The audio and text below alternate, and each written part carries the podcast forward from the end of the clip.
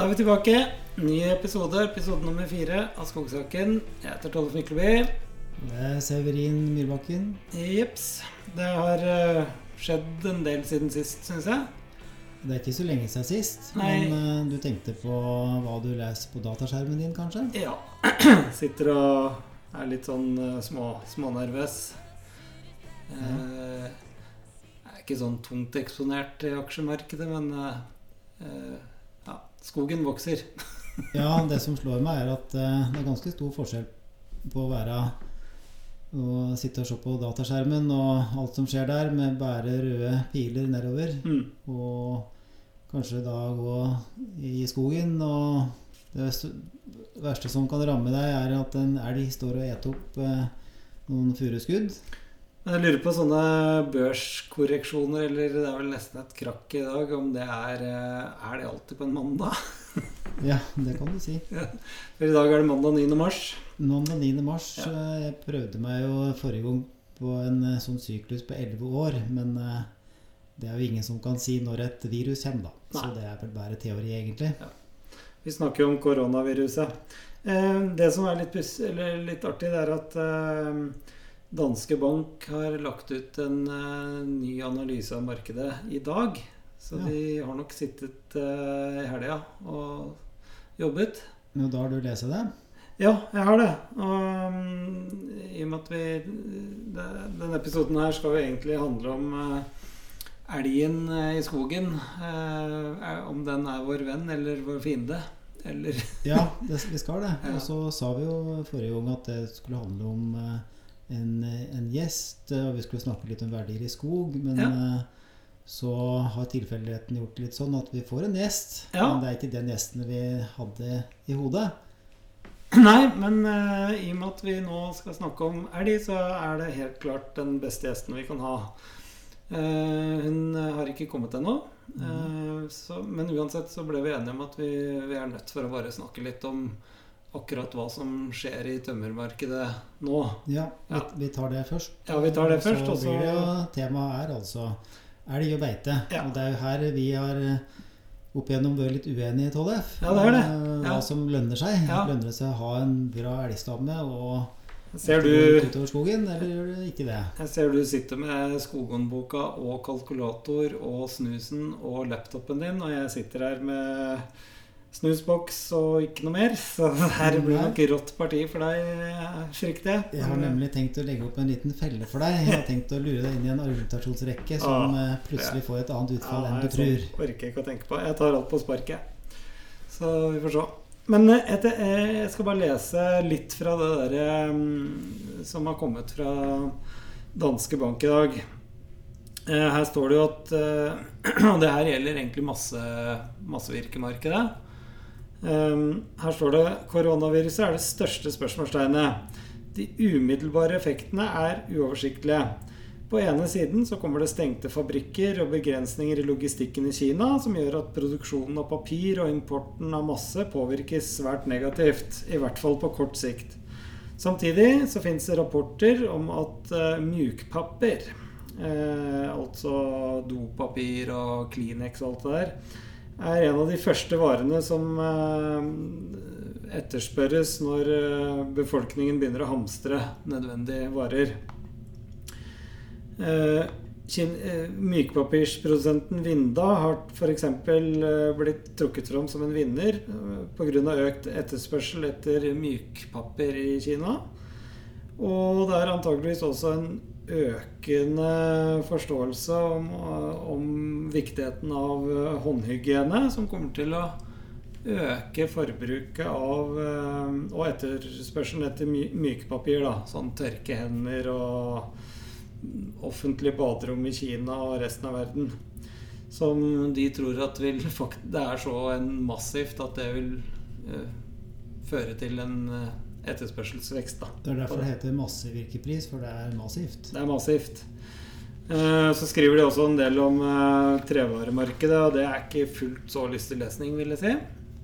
Nei. Eh, Det er vel fordi at sagbrukene har en del røde tall. Ja, de hadde jo litt tunge tall på slutten på forrige, mm, forrige år, med høye tømmerpriser og litt lavere tre trelastpriser. Mm. Og generelt så vil jeg tro at eh, også veksten stopper opp, og Mm. generelt så er jo det negativt. Ja, det er veksten.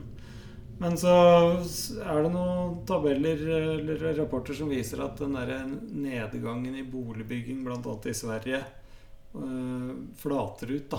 Så, Mm. øh, så, så de, de er ikke Det er sånn som i den episoden vi hadde med markedssjefen i Glommen Mjøsen. Det var jo litt sånn forsiktig optimist, og de er jo det fortsatt Ja. i den rapporten her. Eh, Men eh, nå er det så usikkert at eh, det er jo ingen som vet noen ting. Og, når det kommer til koronavirus, altså Ja. Men så er det jo sånn da at skogbruket er langsiktig, så det Ja. er jo de lange trendene vi er ute etter. Så hva skjer på lang sikt? Så du har ikke avbestilt planting til våren, liksom? Nei, så det, det har jeg absolutt ikke. Fordi at dette er alvorlig. Mm. Og men om to år så kanskje vi Så er det en del av historiebøkene. Ja. Mm. Eh, Det som slår meg sånn i første omgang på lang sikt, det er at vi får fortsatt lave renter. Mm. Eh, Det er positivt for skogbruket, som er langsiktig. Ja. Vi har en eh, rekordsvak krone. ja, den står jo Det er vel omtrent 11 kroner mot euro Ja, nå. den eh, toucher 11 kroner omtrent i dag. Ja. 9. mars. Dollar 9,50. Mm. Og det vil jo tro, i hvert fall ja, selvfølgelig på eksport, eh, Mm. er positivt for eksportnæringen. Ja.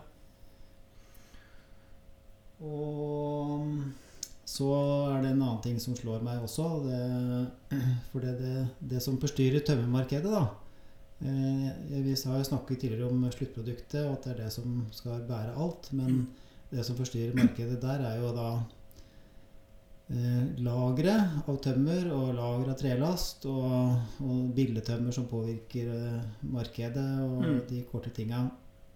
Og det påvirker Europa. Og i Canada så har det vært um, skade på skog i lang tid som gjør at det sagbruket har fått virkesbrist. altså de Ja. får ikke da, Får ikke Det er virkesmangel, da. Eh, Og da er egentlig konklusjonen det gjelder å ha friske skoger. Friske skoger og tenke langsiktig. Og vi tenker vel i Norge at vi har friske skoger. Ja. Og vi skal fortsette som før til våren. Vi skal fortsatt plante og drive ungskogpleie. Ja, jeg Ja. tenker jo det. At Ja. eh, kanskje ikke overholde grana. Mm.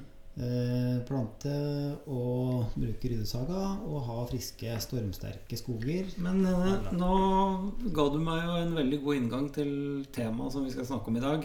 Altså du snakker om friske skoger.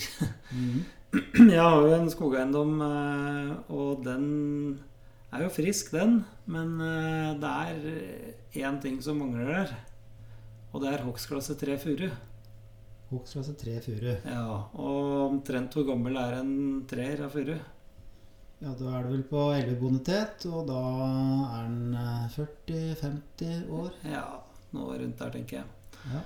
Men øh, jeg vet jo hvorfor det er sånn.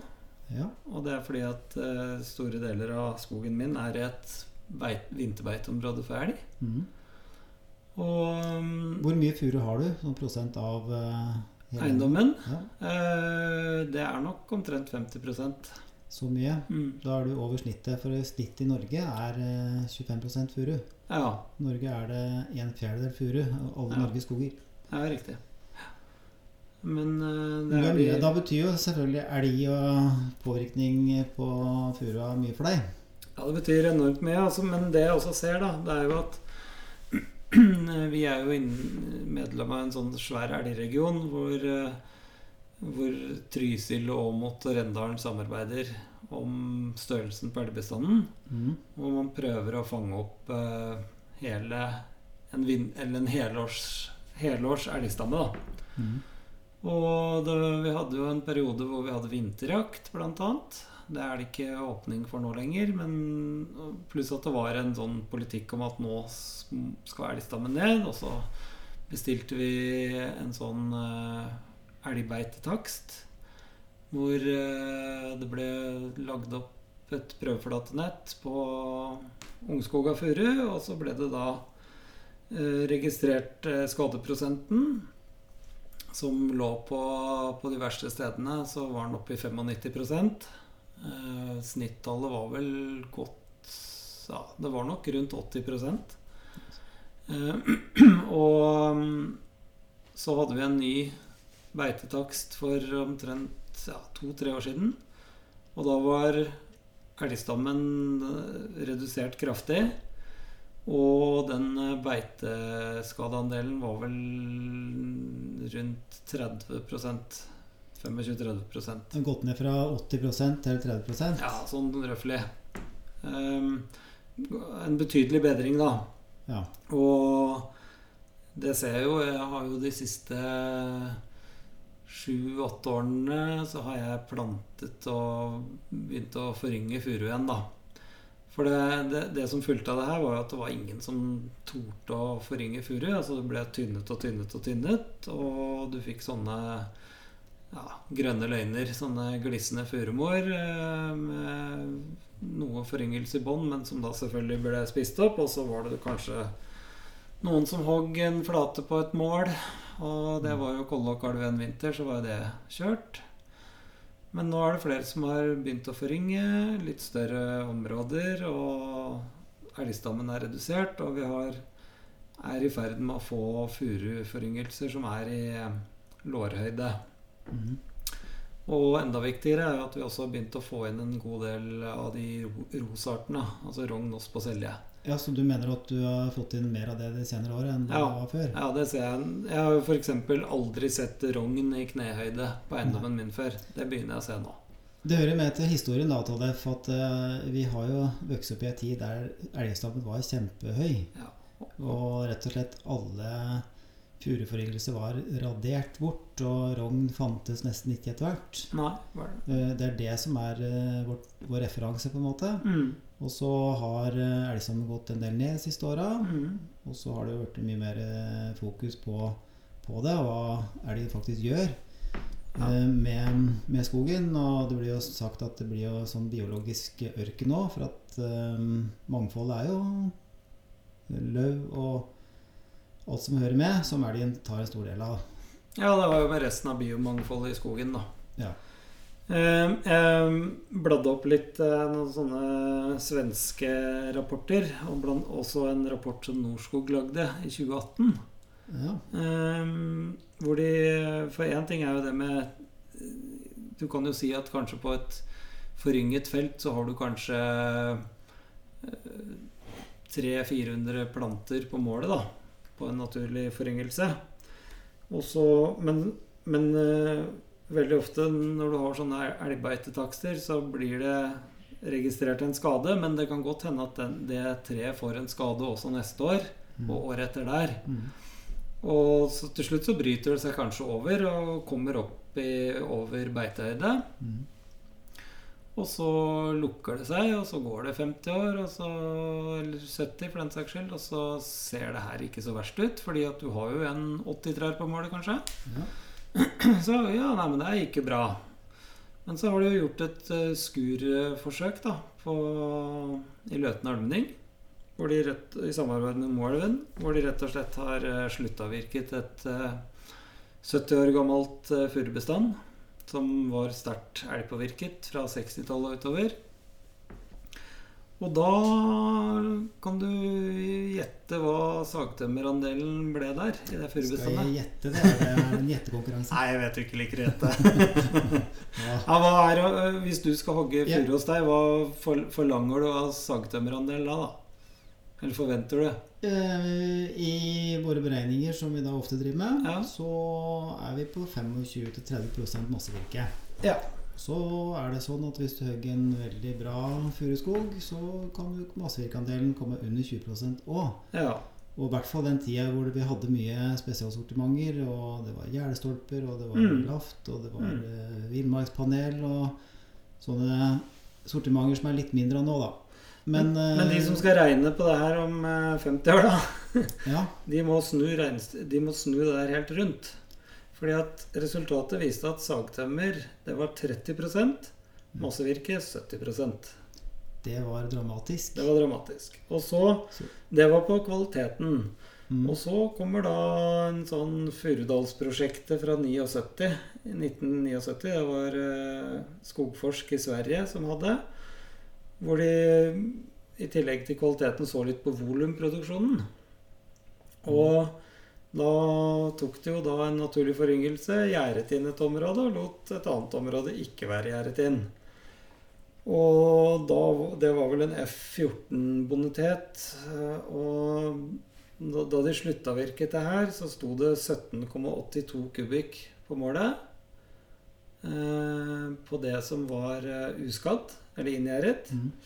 Og på det som sto utafor, der sto det 5,65 kubikk på målet. Hvor gammelt var det, sa du? Nei, det, jeg, jeg tror Jeg sa sluttavvirket, men jeg tror det var målt. At de målte det. Ja. Mm. ja, for 17 kubikk på målet er ikke så mye. Nei da, Eh, Men 5,6 er heller ikke så mye. Nei, det er jo en Ja. Og han, en svensk forsker som heter Volgren, han la fram en rapport i 2014 som eh, eh, faktisk sier at eh, det må være en skadeprosent på 10-15 før du skjer noe med volumproduksjonen. Mm. Og 10-15% er relativt høyt, det også. Men, men da blir volumet det samme. Men så har du det derre eh, skade... Eller kvalitetsskaden, da.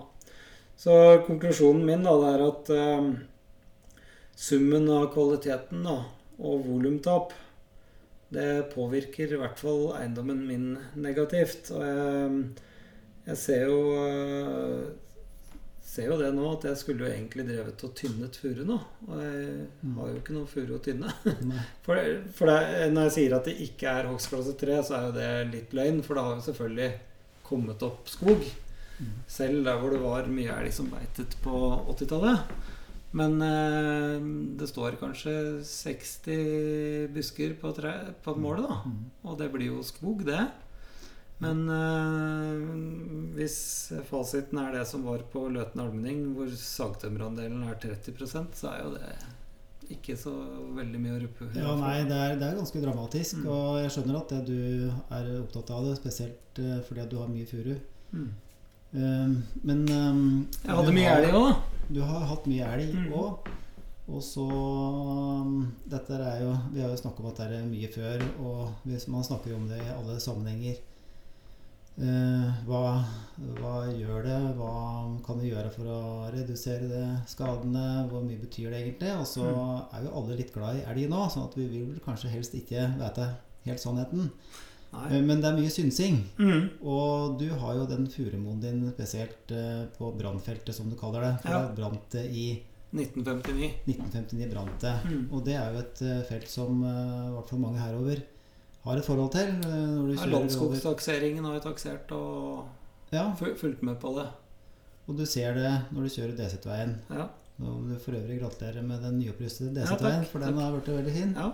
Koster penger å kjøre der, da. Men der har det i hvert fall sett ganske eh, stusslig ut da, Mm. i årevis og årevis. Ja. Og så vet jeg at det du har sagt eh, kanskje de siste fem-seks åra, at det, nå begynner det å bli skog der. Mm.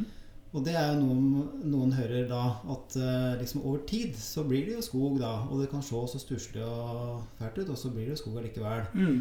Og vi vet jo også om et annet brannfelt eh, oppover Østerdalen, hvor det, Starmoen. Det er på Furuset. Oh, ja. um, der um, toget antente jo oh, ja. Vi vi har jernbane, vi vet oppover Ja, ja, det er det, ja. Vi har kanskje ikke jernbanedekk, da, men Nei, jeg vet så gjorde den én negativ ting, da. Den tente på skogen. Ja. Jeg vet ikke hvilket årstall, men, men eh, det har jo vært skogdager på, eh, det, på Furuset, på den eiendommen. Mm. Og fura er i hårklasse 3, og den ser jo ganske bra ut, faktisk. Mm. Og så har vi liksom eh, slått oss til ro med det, da, at det blir jo skog etter hvert. Ja. Det som er helt sikkert, er at det, det, det er en økt ventetid. Og så det tar Ja. kanskje 20 år ekstra før du i det hele tatt eh, får noen trær opp. Og så er neste spørsmål hvilken kvalitet er det på de trærne, og hvor stor tetthet er det. Ja. Den er som regel dårligere. Ja. Eh, så det er mye synsing. Og så er det prøvd eh, litt elgfòring for å eh, holde elgen unna furuskogen. Har, det, har det hjulpet nå, tror du? Det, det vet jeg ikke helt. Det har helt sikkert hjulpet lokalt. Men det vi lurer på, det spør vi når gjesten vår kommer. Ja, for at eh, hun som da kommer, da, Karen Marie Mathisen. Karen Marie Mathisen Ja, hun skal få introdusere seg ja, selv det etterpå. gjøre, men det er, i hvert fall, det er mye de tingene som vi da går og prater på, som vi går og synser litt. Skal Mm. vi høre om det stemmer? For ja. hun har vel da litt mer eh, dok dokumenterte tall og kvalifiserte tall. Litt mer akademisk tilnærming enn oss. Ja. Men en annen ting som jeg tenkte på, som uh, drukner litt, i hvert fall i skog, skogbrukstankegangen, da, det med elgen, det er uh, hva, hva Det har jo en kostnad og en inntekt på jakt og sånt nå. Eh, Men det det er jo ett regnestykke, men så er det det samfunnsøkonomiske regnestykket, da. Mm. Og i 2013 så beregnet eh, If skadeforsikring at en elgpåkjørsel koster i snitt 150 000 kroner. I snitt. ja. Og det var jo da i 2013 285 millioner kroner i året. Men, men det, er, det er bare bilskaden. Og så Ja, som det, altså de skadene som forsikringsselskapet har måttet ut med, da. Ja. ja. Og så, men så er det jo Det er heldigvis veldig få dødsulykker og sånn. Det skjønner jeg ikke, at det ikke er mer av det. Men eh, det er, det er jo personskader her òg. Det er et annet regnestykke. Mm. Ja, og så må viltnemnda ut, og så Ja. er det forringelse av eh, kjøttverdien. eh, Det betyr kanskje ikke så mye. men, eh, Kjøregleden er jo ikke akkurat på topp eh, en januarkveld gjennom, på vei til mellom Oslo og Trondheim heller. Nei, nei, det er risiko. Ja. Nei, det er klart den, den samfunnsmessige kostnaden er stor, og det var det som var årsaken til at de startet elgfòring i sin tid, for å holde elgen unna jernbane og riksvei. Ja, og det har vel fungert? fungert. Og det har fungert. Mm. Vi får også høre litt mer av Karen Marie om det, antagelig. Ja. Men eh, det, og bieffekten av det er jo da hvordan, eh, om det har noe på furuforringelsene Ja. spesielt. ja, nei, men øh, nå er Karen Marie på vei inn døra, så da tar vi en fem minutters pause, og så fortsetter vi når hun kommer, eller? Ja, det kan vi gjøre da. Mm. Så det er, det er i hvert fall hyggelig å ønske deg velkommen, Karen Marie. For du kommer rett fra skiferie i Nord-Italia nå, gjør du ikke det? Ja, ja. Så dere får sette dere litt tettere og kose litt. vi må teste lyden, da. Ja. Jeg må, må sitte nære for at jeg har en litt sånn ja. hes eller doppmatt stemme. Ja. Så du er jo ganske langt unna, for da hører du Så vi må teste. Nei, men det er i hvert fall veldig fint du kunne komme. Og mm, kan du ikke si litt om deg selv, da? Hvem du er? Hvor du kommer fra? ja, jeg jobber som førsteamanuensis på Høgskolen i Innlandet. På Institutt for skog- og utmarksfag på Evenstad. Og jeg forsker på elg og elgbeite, blant annet. Ja, Er det det eneste du forsker på? Nei, jeg gjør litt andre ting. Ja, jo, jo. Men det blir mye elg. Og Ja, akkurat nå underviser jeg i, med vitenskapelig metode og statistikk. ja. Det er jo en del av det. i- Jeg har hatt gleden av å være sensor i en eller annen fag. Bacheloroppgave. Ja, det tror jeg det var bacheloroppgave. og Da eh, var det veldig greit å ha en ekspert å lene seg til på statistikkbiten, i hvert fall. Hvor, le hvor lenge har du vært der? Siden 2006 begynte jeg. Mm. 14 år. Tida flyr. Ja, Ja. Man skal jo aldri spørre en kvinne hvor gammel, gammel hun er. Jeg skal ikke gjøre det nå heller. Da fikk du ikke Men du var i hvert fall med 14 år. Ja. Men eh, Severin, jeg, jeg, vi eh, sitter og har hatt sånne lunsjprater om elg og furubeite og sånn. Mhm. Og så er vi jo elgjegere begge to, og litt sånn kom, Jeg liksom er fundamentalist på ene siden da, og sier Nei, fy fader, en elg er et skadedyr, og Men så har jeg selvfølgelig glemt det 25.9. når jeg er på jakt. Og så provoserer han litt eh, tilbake, da. Jo, men tenk så mye inntekter du kunne hatt på elgjakt eh, eh, før vi skjøt ned elgstammen og sånn og sånn, da. Og så har vi sittet og drodlet litt på det her nå, og da har jo føler jeg da at Severin har moderert seg litt. Og det er vel antageligvis fordi han er, han er ganske god til å regne. Og så har han plutselig begynt å regne litt, og da ble han jo helt grå der han sitter. Så Severin, kan du ikke fortelle litt om eh, det? Jo, altså jeg har jo regnet før òg. Ja. Og det er ganske mange som har regnet på elg og skogskader før. ja. Og så er det jo litt sånn der at du kan velge det svaret du vil eh, ønsker å komme fram til, for at det er veldig mange faktorer, da. Og det Mm. vet i hvert fall eh, du, som eh, vurderer ulike parametere, om det er noen sånne sammenhenger og alt sånt, så er det jo hele tida Det er ikke noe klart svar. Som Men, regel. men, men Karen Marie, følger, du, følger dere på Evenstad med på elgstammens størrelse, eller går dere Sjekker dere effekten av fôring, eller hva, hva er det du Kan du ikke fortelle litt om hva du Vi jobber jo mye sånn prosjektbasert, da. Ja, Så vi driver jo ikke med overvåkning på elg, i hvert fall. nei. Um, så jeg har jo f.eks. jobba med et prosjekt som handla om skog og elg. Ja. Uh, og der har vi fortsatt å overvåke det selv om tiltakene nå er ferdig. Så der teller vi elgmøkk for å få vintertetthet ja.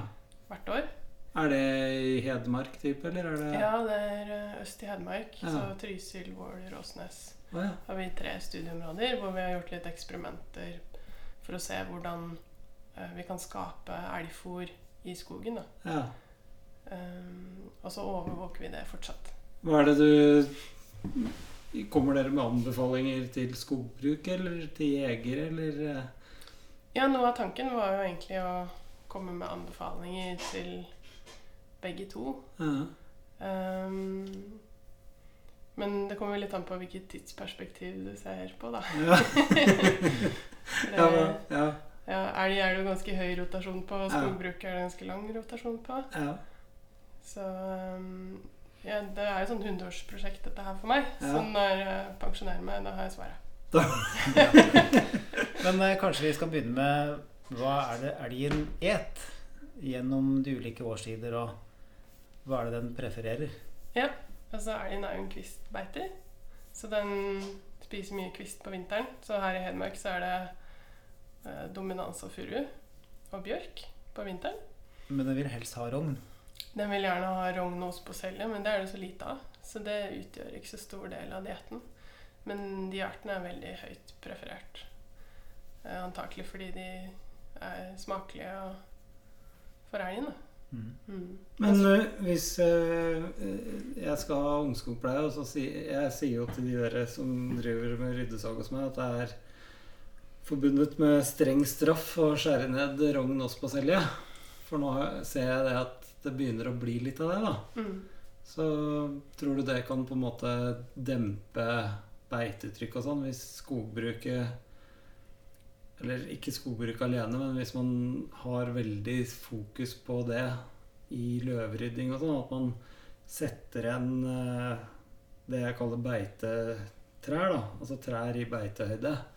Mm. Eh, tror du det kan gjøre at den spiser mindre furu?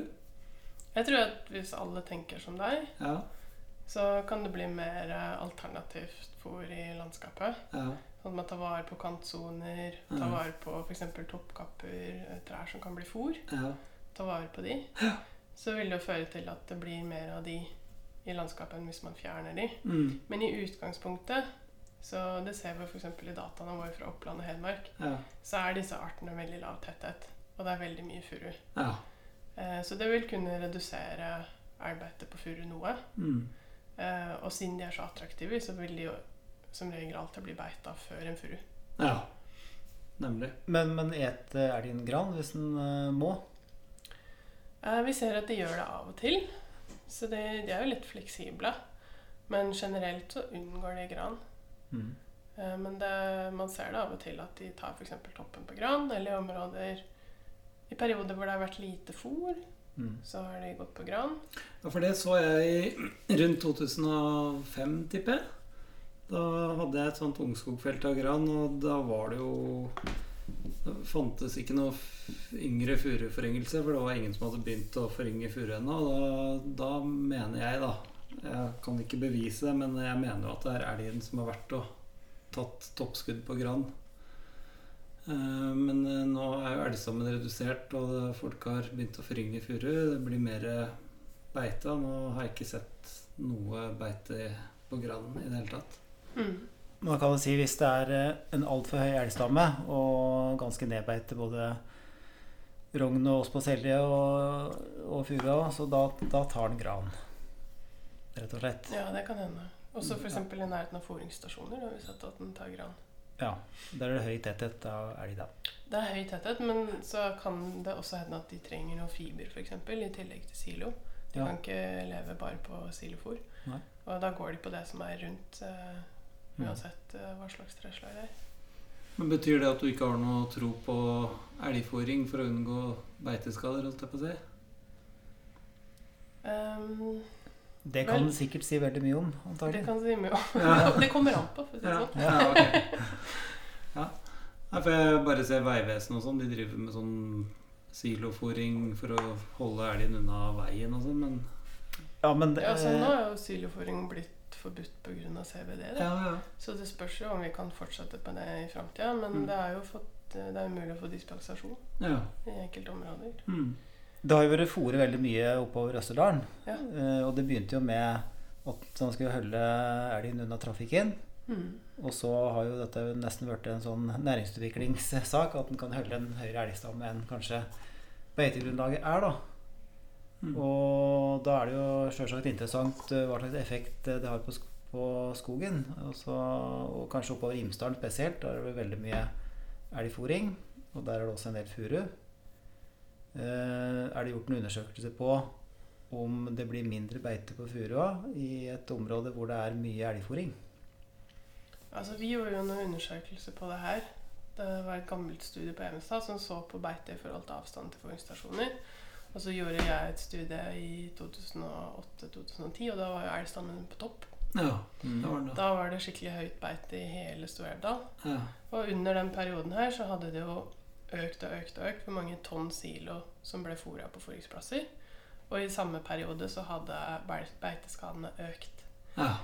Men det kan jo hende at det var fordi siloene, silofôring gjorde det mulig da, å ha en høy elgbestand på vinteren, Mm. rett og slett. Så man må jo på en måte se fôrtilgang og elgstamme og beiteskader i sammenheng. Mm. Um, Men det var fortsatt eh, beiteskader på vanlige furuforyngelser sjøl om de lå litt unna fôringplassen. Sjøl om det ble fôret veldig mye. Ja, Det vi så i det tidlige studiet, da, på liksom starten tidlig i fôringsperioden, eh, så var det høyt beite kun rundt fôringsplasser. Og da så det ut som det var at elgen trakk til fôringsplassen, og da, holdt de seg, da var det mindre trykk langt unna. Mm. Men etter hvert så trakk elgen lenger og lenger vekk fra fôringsplassen og spiste mer og mer tomt, kan du si. da. Mm. Eh, og til slutt så var det jo høyt beite overalt over tid. Men det var fordi at han holdt på en relativt høy elgstamme. Ja, Det var jo den eh, perioden hvor det var ja. høyest. Ja. Det ser vi jo på for eksempel, i hvert fall på sett og skutt elg. I 2008 og 2010 så var det eller Ja. ja, 2007. Da var det veldig høyt. Da det på, Og så har det gått ned etterpå. da var det på topp, ja. Ja. Men uh, i Sverige da, der har de eh, en slags overvåkning av beitetrykket. Med Mm. noe som en sånn indeks som elg... Ebin, er det ikke det det heter? Ja, elgbeite. Elgin, ja. Ja, Mm. ja. Hvorfor det, finnes det ikke sånn i Norge, egentlig? Uh, det fins jo en metode i Norge òg, som f.eks. Solgrå-metoden. Ja. Uh, men i Sverige så har de Det som er litt fint, er at de har et nasjonalt system. ja, det er det jeg lurte på. Eh, og de den har gjennomgått en kvalitetssjekk og en evalueringsprosess. da. Ja. De har jo revurdert hele elgforvaltningssystemet i Sverige. Ja. Det hadde, hadde kanskje vært lurt å gjøre i Norge òg. Så der blir det samla inn en felles database. Ja. Og annethvert år så gjør de beitetaksering i alle elgforvaltningsområder. Ja. Og så blir den beitetakseringen eh, tatt hensyn til når de setter eh, kvoter og forvalter det. det og elgforvaltningsområdene ble også større. ja.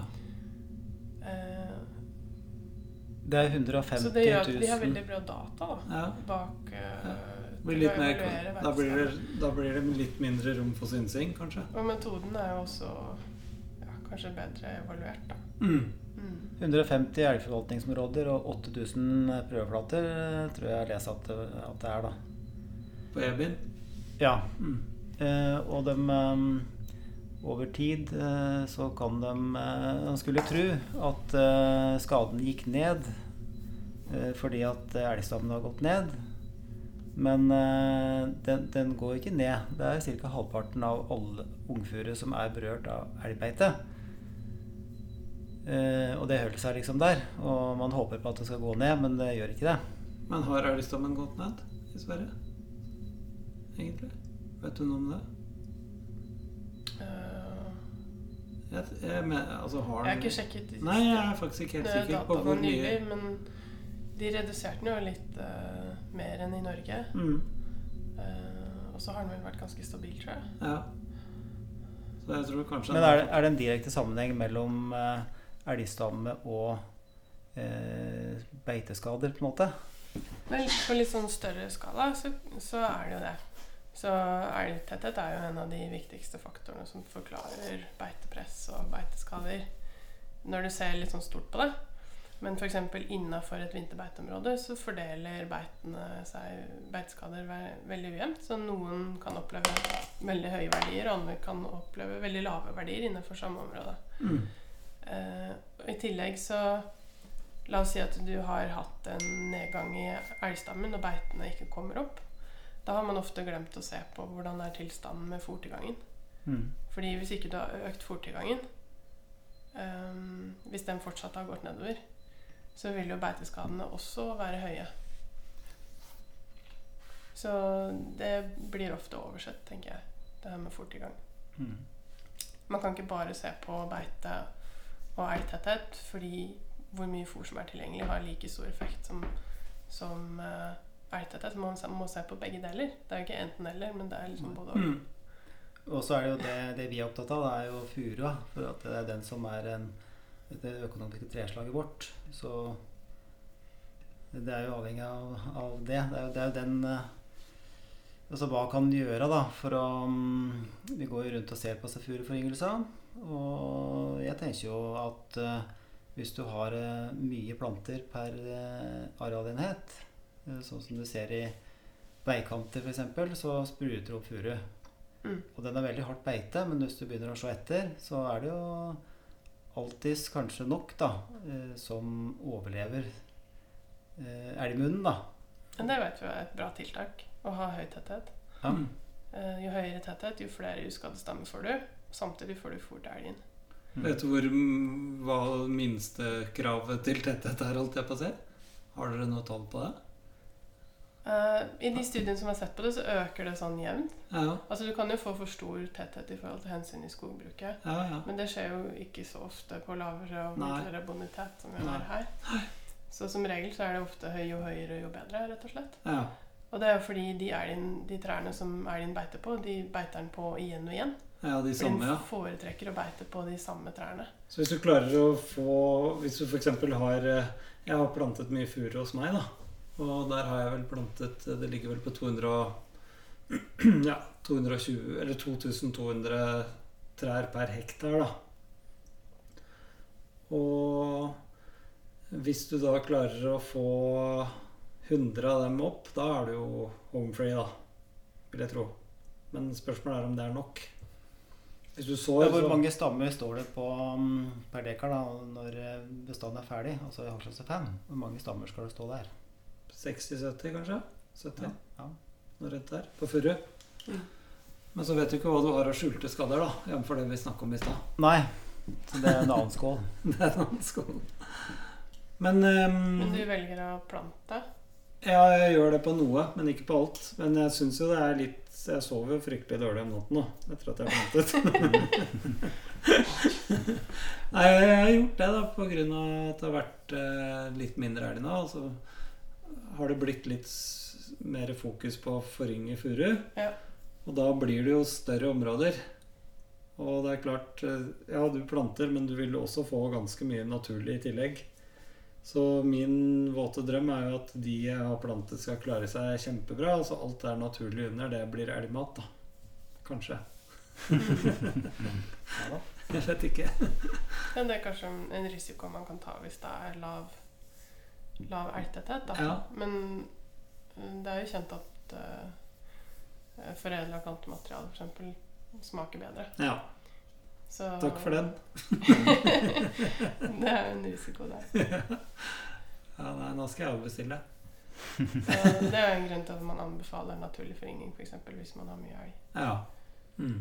Men det er vel å forsikre seg på alle vis da, med både å ha frøtrær og naturlig foryngelse. Mm. Markbrede.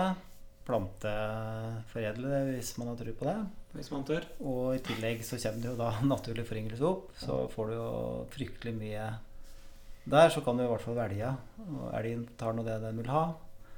Men sånn Så jeg tolker deg, Karen Marie, så er du, er du helt enig i det jeg sier om at man må være forsiktig med å rydde løvet i Ja. ungskogpleia? Altså ikke rydde løv som uh, ikke Men det kan ha noe å si hva naboen din gjør. Ja, det er klart, så det hjelper jo ikke hva La jeg oss si at hvis- du beholder løvet, da. ja, Og så naboen din rydder alt løv. ja, Så kommer elgen din til å gå over til deg, for du har sånn deilig løv. ja, Og så kan det hende den skader en furu på veien. ja. Fordi den bare er i området. Ergo så det nytter ikke å drive med det her på eiendomsnivå. Man må Det hadde vært en god idé å samarbeide. Ja. Som, Mm. som alt annet. ja. I hvert fall med sånne ting som flytter på seg. Sånn som Ja, ja, ja. Mm. Ja. Men vi kan jo ta noen eh, økonomiske resonnementer da, mens Karen Marie fortsatt er her. Ja. Og så kanskje har noen kommentarer til det òg. Fordi det er mange måter å se det på. ja. Eh, vi er jo I utgangspunktet så er vi jo glad i elgen. De fleste skogeiere er det. Fordi at eh, de, mange jakter sjøl. Og eh, uansett så er det årlige inntekter fra elg.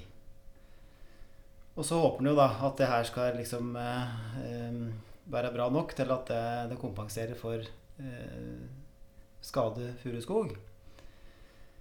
Og mange måter å regne på, men eh, man kan gjøre det enkelt. Og det er at eh, hvis vi tar utgangspunkt i, i en F11, altså en eh, lavere til middels bonitet, så vokser den med 400 liter i året. Altså årlig tilvekst er 400 liter i året, så 0,4 kubikk. Eh, hva slags rotnetto har du, Tollef, på furua di? Nei, det er konfidensielt. Men da antar jeg at den er eh, ca. 250? Ja, sikkert høyere enn din. ja. Jeg lærte på Ås at det var tommelfingerregler ca. 200. Ja. Og det er også 30 år siden, og fortsatt så er vi nesten der. Ja, men, Men vi øker til 250. Ja. Og da har du også en, eh, en over tid da, en årlig avkastning fra furutilvekst på e- 100 kroner målet. Mm. Eh, og så er det da elgen. Hva gir elgen deg? Fire kroner i beste fall. Ja. Med utgangspunkt i at uh, ca. 2500 dekar bak hver fellingstillatelse Ja. og ca. 10 000 kroner per elg, Mm. så er det fire kroner målet. Ja. Så elgavkastningen er altså fire kroner målet. Og tilvekst, eller årlig avkastning eh, under jevn vekst, da, er 100. Ja. Så da sier svaret seg selv. Vi må ikke ha for mye elg. Ja, er det så enkelt? Ja, jeg syns det. Jeg ville si jeg har da veldig lite furu. Ja, Eh, mesteparten av er gran. ja. Jeg vil jo ha mye elg. Fordi Ja. at det, hvis Men da hørte du hva Karen Marie sa. Altså Hvis den ikke har nok av det andre, så og, da begynner den å spise på grana. Og så blir elg- elgen i dårligere kondisjon, det blir lavere vekter. Og så blir det ikke rogn oss på selje, og så går det utover fuglelivet og biologisk mangfold og Har du du, du ser på meg. Men, men så um, er det jo ikke sånn, da. Nå, nå sa jeg 400 liter på målet. Mm. Og det at det er elg der, betyr jo ikke at de 400 literne blir borte. Eh, Du kan, eh, kan jo ha begge deler. Mm, Du kan ha en elgstamme på det nivået som gir firekronermålet. mm, Og så går det litt utover um, furutilveksten. Men eh, det er klart eh, Så spørsmålet er hvilket nivå den går utover fugletilveksten på. mm. Og hvor mye granmark du har osv. Men eh, du kan, eh, hvis du har ungfuru, da f.eks., som et ungfurufelt, sånn som det brannfeltet ditt på DZ, Mm. som det er 80 år til du skal avvirke Ja. Så du vil, altså, du vil jo kunne ha fire kroner i året hvert år i 80 år. Uh, ville du bytte det bort mot å få 10 000 kroner om 80 år? Ja, det, det der blir veldig eh, teoretisk og hypotetisk, spør du meg. Fordi det, det er, så mye risiko i det der med de fire kronene. Jeg, anser risikoen høyere der enn den er på, på sluttsummen som du får om 80 år. Men hvis du regner, da, så kommer faktisk elgen også då- dårligere ut også der. Ja, det vil jeg tro. Eh, Så det er da Og det er da har brukt den 4 å regne Ja. med som det vi bruker ellers. Og, Men jeg syns det er utrolig deilig at uh, alle våre krangler i lunsjen har eh, manifestert seg at du er enig med meg. Ja, men det er ikke sikkert det er det, for det, det er aldri så enkelt. Og så Det her var gjennomsnittspriser. Ja, Uh, Hvis det du hadde hatt en veldig høy elgstamme, ja, og med de fasiliteter som du kan tilby, ja, ja. så kunne jo du hatt veldig høye inntekter hvert eneste år av å være en jaktguide. Ja, men så får du en ulveflokk, og så skal, har du jaktlag som trekker seg, og så får du ikke skutt kvota di. Mye risiko. Men hvordan tror du det påvirker markedet? Er det ikke mye risiko i skogbruk òg? Jo Åssen kan du vite hva som skjer Nei. i framtida? Det Hva med klimaendringer Ja. og priser og ting nei, det er, det er sant. Men da var det jo Jeg var på en sånn foredrag her med en eller annen som eh, eh, lurte på hvordan blir bruken av tre i fremtiden. Og så startet han foredraget med bilde av gravkammeret til Tutankhamon. Med trestoler og trebord og Ja, så han mente det var litt Litt historieløs å tro at man ikke bruker tre om eh, 100 år, da, for å si det sånn. Og kanskje også nå i disse klimatider. Men jeg er enig med deg, det er jo kjemperisiko med klima. Altså, det ser vi jo i Tyskland nå. Eh, eh, Skoger på størrelse med ja, Danmark som er tørket og dødd pga. bilangrep. Mm. Det er jo klimaendringer. Mm. I beregninger som vi driver med, så bruker vi omtrent samme risiko på elginntekter og tømmerinntekter. Man kan diskutere om det er riktig. Ja.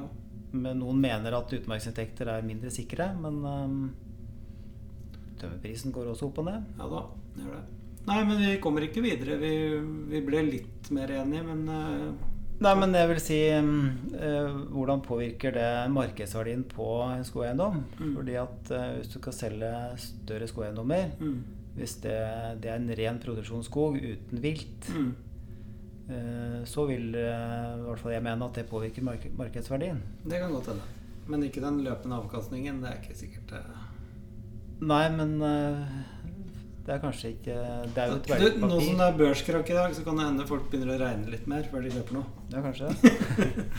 Ja da. Nei, men Karen Marie, det, jeg må bare få spørre litt mer om den derre Hva var det du kalte rapporten? En skog og samfunn? Nei. Skog, uh, skog og elg? skog og elg, ja. Hva var summaryen der? Ja. Det holder vi fortsatt på å finne ut. Jeg har en PhD-student som sitter og analyserer data der. Ja. Så akkurat eh, nå så skal hun se på hvordan denne elgtettheten flytter seg fra år til år. Da. ja. Eh, for man vet jo at det er liksom de samme områdene som er vinterområder, som er sånn trekkområder Mm. hvert år hvor elgen trekker til fordi det er mindre snø og mer mat. ja. Men det viser seg, hun har bare lagd noe sånn kart foreløpig, og innafor de områdene så er det også variasjoner fra år til år. Og det kan være f.eks. pga. vinterhogster eller nye bestander som kommer inn i ungskog, eller snødybde, som Ja. varierer veldig mye fra år til år. ja, det ser vi i år. Det ser vi i år, Ja, så hun driver og ser på sånne ting. da. Ja. Fordi f.eks. den her risikoen dere snakket om, den har jo, der har jo snø så utrolig mye å si. Ja. Ett år så er det ingen snø, så beiter elgen på blåbær. Ja. Og et annet år så er det mye snø, og det er mye Ja. på furu. Ja. Eh, Men en ting vi fant ut i det prosjektet, var at vi så litt på bruken av hogstavfall da, som sånn alternativt fôr. Ja. Og eh, det ser ut som eh, fungerte veldig bra. Ja. Så um, det virket ikke som det var noe stor ekstra kostnad ved å legge opp hogstavfall sånn at det blir tilgjengelig for elgen på vinteren. Mm. Og de bruker det i stor grad, men de bruker det i varierende grad. Akkurat mm. som de gjør med, med ungskog. At det er høyt beite noen steder og lavt beite noen andre steder. Så var det også sånn med hogstafall at det var høyt beite noen steder. Jeg syns det er litt artig du Litt sier det, for jeg hadde furudrift nå rett før jul. Og da jeg er litt usikker på om de var så bevisst på det, men kanskje de var det. Det ble i hvert fall, Jeg la merke til at det ble, det ble jo noen ganske sånne hauglegginger av furubar. Mm. Og jeg ser jo det at elgen går jo og spiser på det nå, som det faktisk har Ja. kommet litt snø. Så Men den er veldig følsom for om det kommer snø oppå baret, er den ikke det? Jo, det var det vi prøvde å tilrettelegge for. Fordi de kommer jo og spiser av i en vanlig hogst. mm. Men vi prøvde å øke utnyttelsen ved å unngå å knuse baret. ja. Legge det i haug for å få det høyt opp over snøen. Og reise topp, for da faller mye snøen av. Så det blir tilgjengelig utover vinteren. Mm. Men hvis snøen smelter igjen, så har vi sett at de kan komme og bruke det seinere på vinteren. Ja. faktisk. ja, så de kan komme når det vårknipa kommer, Ja. alt jeg på å si, og finne frem Mm. da, ja. Mm. Nei, nå er vi på overtid, egentlig. Ja, du mener det? Ja, jeg mener det. Men eh, det som slår meg, da, er å, når det er de store forskjellene da, på lønnsomhet på elg og produsere furu eller elg Jeg mener at det er ikke enten eller uansett. Et eller annet nivå kan du ha elg på. Mm. Men eh, det er jo økonomi til å gjøre en del tiltak for å hindre elgskader. I og med at eh, Mm. ja, furua gir 100 kroner i Mm. årlig avkastning da, per dekar. Mm. Og hvis det elgen da spiser opp halvparten av det, så er det også 50 kroner per dekar per år Mm. som eh, er avkastningen. Og, så du kan jo faktisk gjøre en del um, tiltak hvis du ønsker å ha en elgstamme. Ja. Og om det så koster noe Gjerde er kanskje litt, uh, veldig, litt voldsomt, men uh, Mm. Det legge til rette. Det vi ville finne ut av litt av det prosjektet. da. Så vi valgte ut noen tiltak å teste. For det fins jo mange tiltak. Noen tiltak der er filosofien å bare beskytte trærne mot beite. Men samtidig altså Nå er ikke jeg økonom, men andre har jo regna på det her og funnet ut at det er liksom en balanse som er gunstig. Spørsmålet er hvor er den balansen. Mm. Uh, så med noe elg og mer skog, så er det et eller annet sted det er et optimum. Og det kommer kanskje an på. Dere er jo eksempler på to forskjellige eiendommer som har litt ulike prioriteringer. Det er jo helt typisk. Mm. Og det kan jo også være en grunn til at det blir konflikter. ikke sant? Mm. mm, Um, så vi så på det her med hogstavfall. Der kan du skape masse fôr som kan trekke elgen vekk fra uh, ungskog. Um, så hvis du klarer å sørge for å ha fortsatt en jevn elgstamme, at den ikke øker, så kan det føre til en reduksjon i beiteskader. Ja. En annen ting vi så på, var, eller vi ønsket å se mer på, da, var toppkapping og ungskogspleie. Eh, Ja. Fordi idet du kapper trærne, trærne, så gjør de de mer smakelige. Ah, ja. Eh, og det kan man da gjøre mens trærne fortsatt er i beitehøyde. Ja. Fordi da vil de toppkappa trærne sma uh, smake bedre, skape det? godt fôr. Oh, ja. uh, Gjelder det både furu og løv, eller? Både furu og løv. Oh, ja. Uh, vi har sett at elgen til og med spiser ord, f.eks., som den ikke er noe glad i ellers. Men når den blir toppkappa, så ja. spiser de det. Det? Så det gjorde vi. Men det her er jo kunnskap som du må få ut til skogeierandelslagene. Som på en måte det er jo de, det er, det er, Når jeg skal ha ungskogpleie, så ringer jeg jo et skogeierandelslag, og så kommer det en gjeng, og de har sin instruks. Nå gir jeg dem noen ekstra instrukser, da skal jeg være ærlig og si. Men eh, eh, hvis alle hadde vært klar over det, da ville det jo blitt massivt med elgbeite, tenker jeg da. Ja, det blir igjen det samme. Altså, hvis noen prøver det ut, så kanskje de får mer beite. Men hvis alle gjør det, så kan det hende at det blir redusert over hele Mm, området. mm. Ja.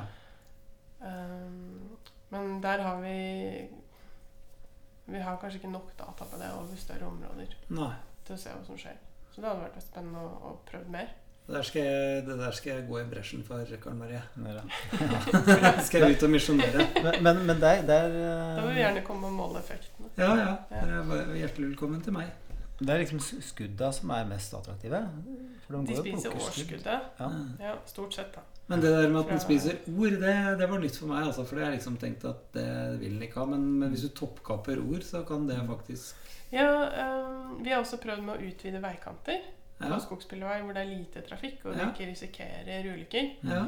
Uh, og der uh, så vi veldig mye av det. For Ja. vi tenkte at det er ikke noe vits i å toppkappe ord. Liksom. Nei. Jo da, det ble beita på. Sier du det? Og der får de jo ofte også sånn løvtrær da, Ja. som er attraktive Ja, i veikanter, for det er mye lys der. Mm. Eh, så Men vi vil vel ikke ha elgen i veikanten, vil vi det? På altså, her var det bare snakk om skogsbilveier med lite trafikk. Mm. Du vil jo ikke ha rundt en trafikkert ja, Kjører som et Da kan det stå sånn skilt Her er det mye elg. Her er det mye elg. får sette opp et elgskilt. Her er- oppe Ja. det. Her er det mye elg, og det bugner av furu. Ja, nei, men det var veldig interessant. Eh, Jeg, nå lærte jeg noe nytt. Jeg kom på en ting til som ja. er avslutningen fordel- Avslutningen. for elgen. Det er at uh, på uh, granungskogfeltet ditt så Ja. går du og kapper ned løv. Men det slipper du med elgen, for at elgen hjelper jo deg med Ja, ja. den løvryddinga. Ja. Det er, en, eh, det er på plussida, da. Det er på plussida. Ja. Jeps. Nei, men eh, det var veldig lærerikt. Nå skal jeg lage en ny instruks for ungskogpleiegjengen i sommeren. Ja, det, det, det kan jeg få den etterpå. Ja, det kan du få. Ja, greit. Ja, men Karl Marie, det var veldig snilt at du ville snakke med oss. Ja, det var hyggelig å bli invitert. Ja. Mhm. Takk for nå. Ja.